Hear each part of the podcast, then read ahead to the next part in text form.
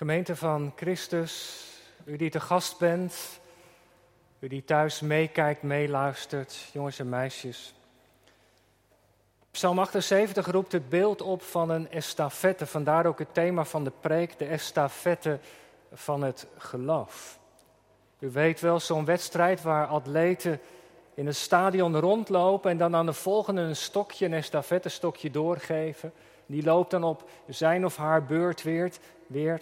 En iedereen in het team doet zo best om zo goed mogelijk te lopen, om het stokje over te nemen en zo als team de finish te bereiken. Ziet u het vanmorgen voor u? Opa en oma lopen voorop, dan komen de ouders en tenslotte doen de kinderen ook mee. Allemaal doen ze mee en geven ze aan elkaar het stokje door. Iedereen draagt zijn, zijn of haar steentje bij om de finish te bereiken. Dat is in feite wat Psalm 78 vertelt. Wat wij gehoord hebben, wat onze vader, onze ouders ons verteld hebben, dat geven wij vervolgens ook weer door aan onze kinderen. Dat willen wij voor onze kinderen niet verbergen. We geven het door aan de volgende generatie met de hoop en het verlangen, met het gebed dat die op hun beurt het ook weer doorgeeft aan de kinderen die geboren zullen worden. Om in het beeld te blijven dat de ene generatie het estafettestokje van het geloof doorgeeft aan de volgende. Het is een mooi voorbeeld, denk ik, van de geloofsopvoeding. Daar gaat het over vanmorgen in de preek. De ene generatie mag de andere vertrouwd maken met wie God is. En daar gaat het in deze psalm over. En we gaan de boodschap van de psalm bestuderen aan de hand van het voorbeeld van de estafette. We denken na in de eerste plaats over de lopers, in de tweede plaats over het estafettestokje en de derde plaats over het doel. De lopers. Wie zijn de lopers en wat wordt er over hen gezegd? De lopers lijken in eerste instantie natuurlijk de ouders te zijn. Ouders die kinderen hebben, die dan vervolgens de dingen van de Heere God doorgeven aan hun kinderen. Dat gebeurt bij de geloofsoverdracht, bij de geloofsopvoeding. Het pand van het geloof wordt doorgegeven. Maar als we goed kijken naar de psalm, dan start de psalm niet bij ouders, maar bij het volk. Zo begint de psalm, mijn volk.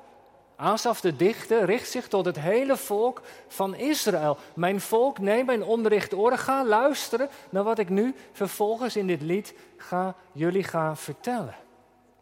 Psalm 78 spreekt het volk aan, Israël als een collectief. Heel het volk. En hoewel natuurlijk de ouders een belangrijke taak hebben in de geloofsopvoeding, richt hij zich allereerst tot het volk als geheel. En dat betekent als we de lijn doortrekken dat in de geloofsopvoeding ouders een belangrijke verantwoordelijkheid hebben, maar ze staan daarin niet alleen. Het hele volk, de hele gemeente is daarbij betrokken. Als ouder beloof je, jullie staan straks bij je dooppunt, geef je ja-woord. Dat is een persoonlijk ja-woord op de vragen die je worden gesteld. Maar kijk goed om je heen, je staat niet alleen. Je bent omringd door ons als gemeente. Want we zijn met elkaar, en dat is de inzet van de psalm, met elkaar als volk, als gemeente verantwoordelijk voor de geloofsopvoeding van onze kinderen, van onze jongeren. Daarom hebben we natuurlijk ook de clubs waarmee onze jongere kinderen in aanraking proberen te brengen met de liefde van God. Op categorisatie doen we ons best om de woorden van God te verbinden met hun leefwereld. Er zijn kringen waar het geloofsgesprek wordt gevoerd. Allemaal middelen om juist dat, dat doel te ondersteunen. Dat de volgende generatie ook leert kennen wie de Heere is. En weet u, je hoeft geen kinderen zelf te hebben om toch daarbij betrokken te kunnen zijn, om toch een vader of moeder voor jongeren te zijn. Misschien heb je een bedrijf en weet je dat er jongeren in de gemeente zijn die het wat lastig hebben. Waarom zou je ze niet een dagje meenemen op pad? Waarom zou je niet investeren in jongeren en laat ze meehelpen met klusjes die je doet? Op een of andere manier hoeven niet je eigen kinderen te zijn. Je hoeft niet zelf kinderen te hebben om toch op de jeugdvereniging betrokken te zijn, een praatpaal te zijn voor jongeren in de gemeente. Je kunt zelfs een lieve en wijze opa en oma zijn. Voor kleinkinderen, om zo te zeggen, van iemand anders. Want als je lid bent van het volk van God, van de kring van de gemeente, mogen wij allemaal ons steentje bijdragen in die estafette van het geloof. En meeleven, meeluisteren. Hoe vaak gebeurt het ook niet? Dat u in de kerk zit en staan doopouders. En die heb je nog op club gehad. En je ziet dat ze daar staan, dat ze de fakkel weer overnemen. Het was een hele spannende tijd misschien, die puberteit, maar toch. Je hebt iets mogen betekenen. En dat is eigenlijk wat de psalm benadrukt. Als gemeente zijn we samen verantwoordelijk voor elkaar en ook voor de jongere generatie. En ik hoop en bid dat we dat ook zo zullen zien, dat de Heer op ons kan rekenen. De lopers zijn niet alleen de ouders, dus het volk zegt de dichter Asaf. En hij zegt nog iets belangrijks over degene die lopen. Namelijk in vers 3. In die estafette van het geloof zijn er drie momenten, drie fases. Vers 3. Wat wij hebben gehoord, dat weten wij en dat vertellen wij door. Die drieslag is belangrijk. Horen, weten, vertellen.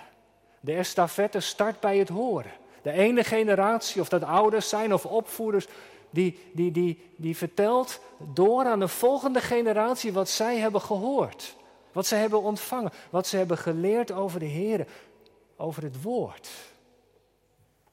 Dat wat ze horen, zegt de dichter, dat, dat weten we. En dat Hebreeuwse woordje voor weten, ja, da, dat wordt gebruikt, dat heeft u vaker gehoord, voor de intieme omgang tussen een man en een vrouw. Dat gaat dus om persoonlijke, intieme kennis. Je zou kunnen zeggen, niet alleen horen, maar weten, dat is, dat is horen met je hart. En dat is belangrijk, dat de woorden van God die je hoort ook zelf in je hart, je hart binnenkomen, in je hart resoneren. En dat als je iets doorvertelt, dat het doorleefd is, dat het door je hart is gegaan, om zo te zeggen. En hoe doe je dat dan? Wat vers 3 staat, dat wij hebben gehoord, dat we weten, dat willen wij die volgende generatie niet onthouden. Nou, dat doe je in hele kleine dingen, dat, dat, dat weet u, dat, dat doen we met elkaar zo. Door gewoon maar eens te vertellen wat het woord of de preek met je gedaan heeft. Het is veel makkelijker om overal kritiek op te hebben, maar probeer te oefenen in iets positiefs te benoemen. Door persoonlijk aan tafel te bidden, als je kinderen jou als ouder horen bidden, hoe belangrijk is dat? En ze zelf ook laten bidden aan tafel. Of als er dingen zijn waar je mee worstelt, dat je niet terugsluit op je kamer, maar dat je dat ook eh, met ze deelt, als ze daar iets van kunnen merken, dat dingen je raken of ontroeren. In ieder geval is het belangrijk om, als je iets met de ander kunt delen, dat er dus een ontmoeting is. De ontmoeting van een ouder met een kind of dat moment onderweg dat je als clubleider even samen oploopt met iemand of samen meefietst na afloop van de club naar huis.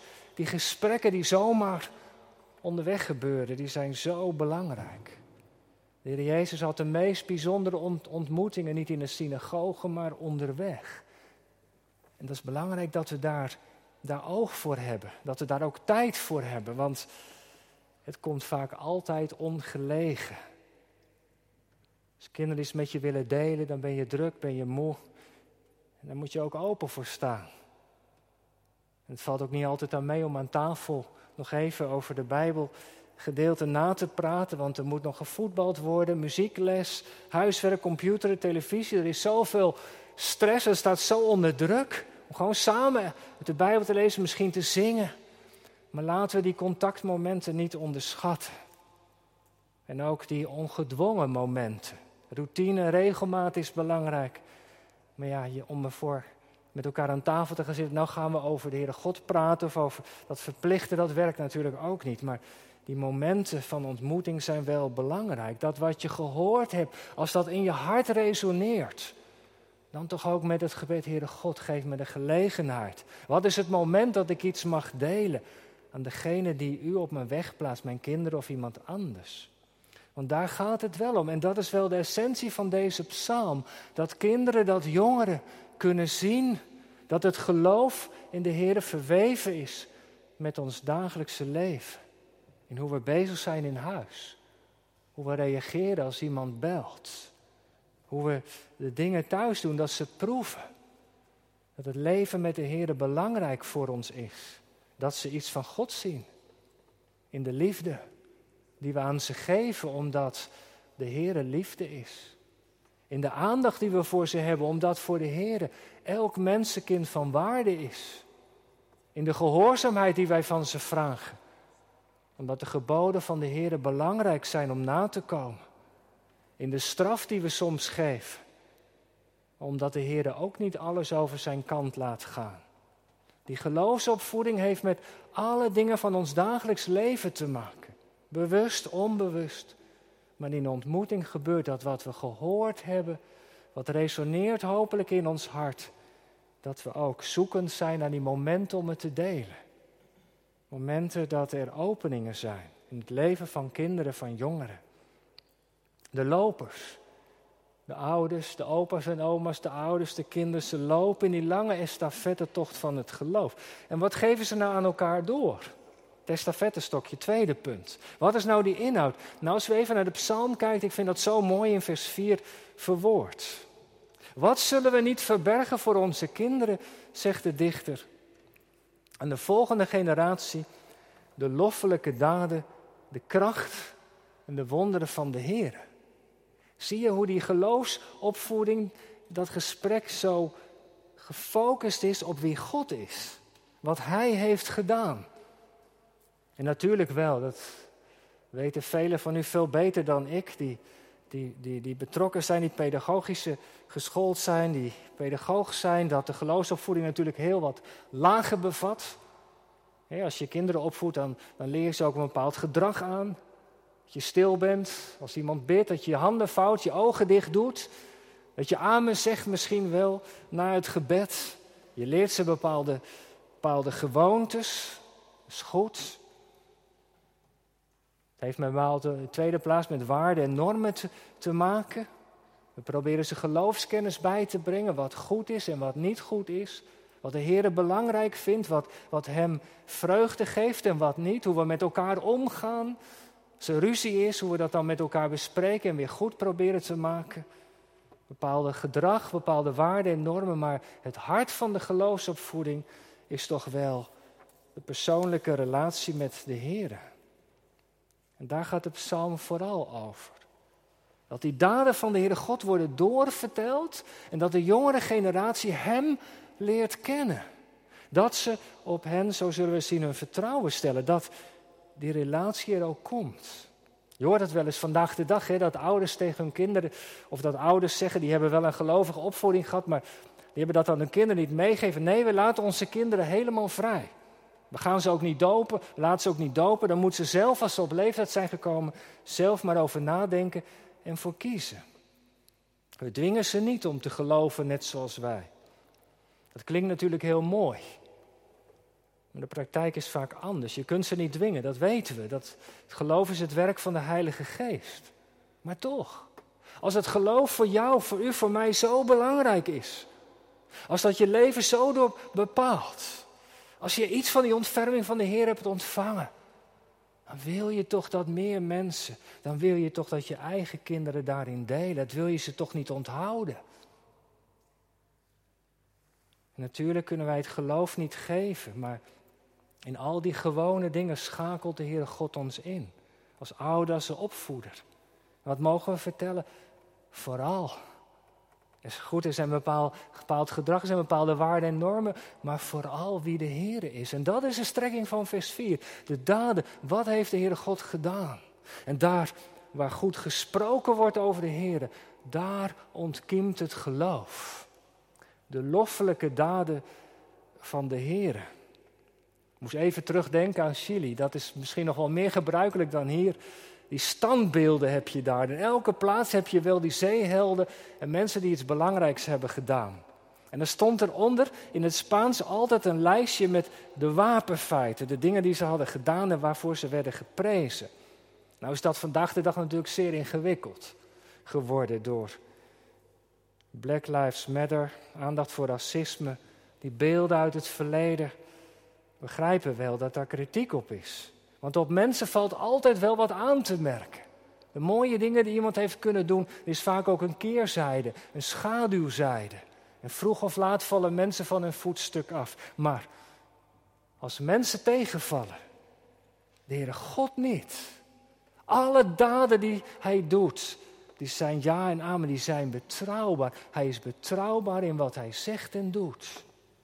Mensen vallen tegen, maar de Heere God niet. En daar is de dichter vol van. En in Psalm 78 worden ze allemaal opgezomd. Als je die psalm verder doorkijkt, wordt er zoveel vermeld. Dan begint het bij de schepping. God die ons heeft gemaakt. Achter ons leven zit een bepaald plan. De uittocht, de intocht, het beloofde land, de leiding van God uit dwars doorheen. De psalm gaat over het geweldige geduld van de Heer. Zijn toren als het volk weer een keer achter andere, af, andere goden aangaat als ze ongehoorzaam zijn. En wij, wij zouden ook heel wat dingen aan de psalm kunnen toevoegen. Alles te maken met het leven van de Heer Jezus. Zijn onderwijs, zijn komst naar deze aarde, zijn gang naar het kruis, de verzoening voor onze zonden. Al die dingen. Zijn opstanding uit de dood. Al die dingen behoren tot de daden van de Heere God. En die zijn het waard beetje bij beetje door te vertellen, door te geven, voor te leven. Daar gaat het om, zegt de psalm. En als ik dat nou aan u of jou zou vragen, als u nou in de gelegenheid bent om iets te vertellen over wie de Heer voor u is, wat zou u dan vertellen? Heeft u iets meegemaakt van Hem? Zijn er bepaalde woorden van God die in uw leven zo belangrijk zijn geweest, dat ze uw leven hebben veranderd? Een preek, een woord, een lied, een ontmoeting. Heeft u dat ook wel eens verteld aan uw kinderen? Weten ze wat er in uw hart leeft? Jawel, in alle eenvoud. Het gaat niet om een succesverhaal of zo. Maar dat ze weten wie de Heer voor u, voor u is of voor jou. Opdat de volgende generatie de loffelijke daden van de Heer kent, zegt de dichter. Maar ik weet wel dat het spannend is. Het gaat ook wel eens mis hè, met de estafette-tocht van het geloof. Geloofsopvoeding is spannend, want soms wordt het estafette-stokje niet goed doorgegeven. Dan valt het op de grond of men pakt het niet goed aan. Of is er een generatie die gaat lopen zonder, of helemaal niet gaat lopen, of, of het estafette-stokje niet overpakt. Weet u, die vraag komt altijd ook in het doopgesprek aan de orde. Is de doop nou een garantie dat het met onze kinderen goed gaat komen?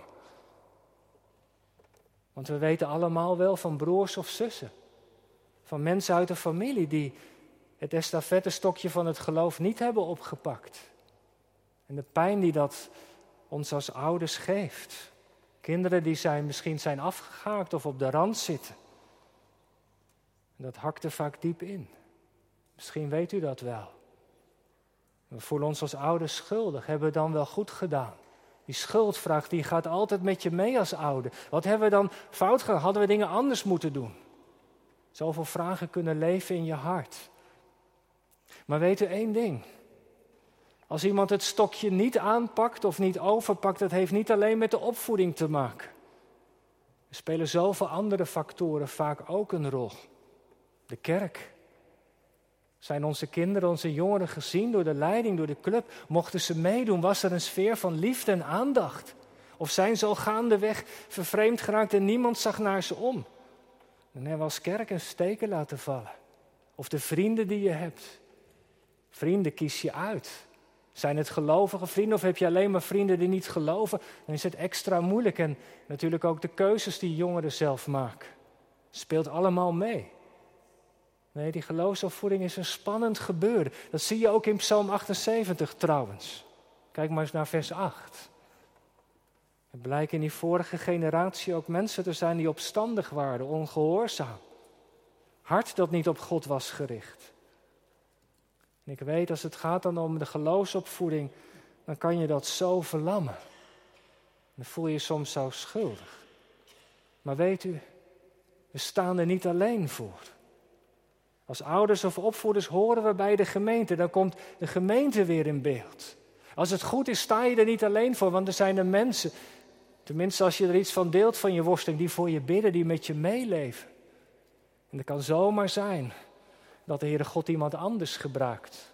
Een clubleider, een mentor, om je zoon of dochter te bereiken. Hij belooft, en dat is de belofte van de doop, dat hij niet zal stoppen met het zoeken van het hart van onze kinderen. Hij gaat ermee door. En soms gebruikt hij ons niet als ouders, maar gebruikt hij iemand anders. Hij zal daarmee doorgaan. Dat is de belofte. En wij mogen op die belofte pleiten, die bij de doop zijn uitgesproken. Dat als een vader voor ons en onze kinderen zou zorgen. In dat gebed mogen we daarom bidden, heren. U wilt toch ook niet dat ze van u vervreemden? Trek ze weer terug naar u. de Heere God kan niet achter zijn belofte terug. Het stokje. En dan het doel, daar eindig ik mee. Vers 7, dat zou je moeten onderstrepen vanmorgen. Wat is het doel van de geloofsopvoeding? Dat, zegt de dichter, dat onze kinderen, dat de volgende generatie hun hoop op de Heere zou stellen. Dat ze Hem gaan vertrouwen. Dat ze Hem gaan betrekken bij hun leven. Is dat niet waar het in de geloofsopvoeding om gaat? Soms stellen we die vraag wel eens aan de doopouders. Ja, als je, nu heb je een zoon of dochter van de Heer gekregen, maar wat zou je nou graag aan ze mee willen geven? Wat zou je graag verlangen voor je zoon of dochter? En hoe vaak is het antwoord daar niet, en dat hebben ze in de brief ook allemaal zo mooi verwoord, dat ze de Heere God leren kennen. Dat ze van de Jezus houden en daar doe je als ouder alles aan, want dat is het meest belangrijke.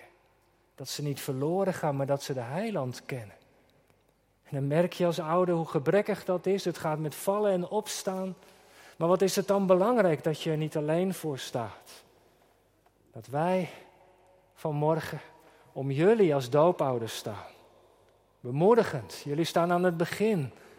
Stimulerend. Dat we de kinderen, de jongeren ruimte geven om te ontdekken wie de Heer is. En met het gebed dat ze achter hem aan zullen gaan. Want dat is het doel opdat de volgende generatie, vers 7, een hoop op God zullen stellen en zijn daden niet zullen vergeten. Ik kan me voorstellen dat het misschien wel op je afkomt vanmorgen. Of bij u, die thuis meeluistert. Bij doopouders, je laat je kind dopen, je spreekt je ja uit, maar kan ik dat allemaal wel? Is die opdracht niet veel te groot? Dat je de volgende generatie vertrouwd maakt met de Heer.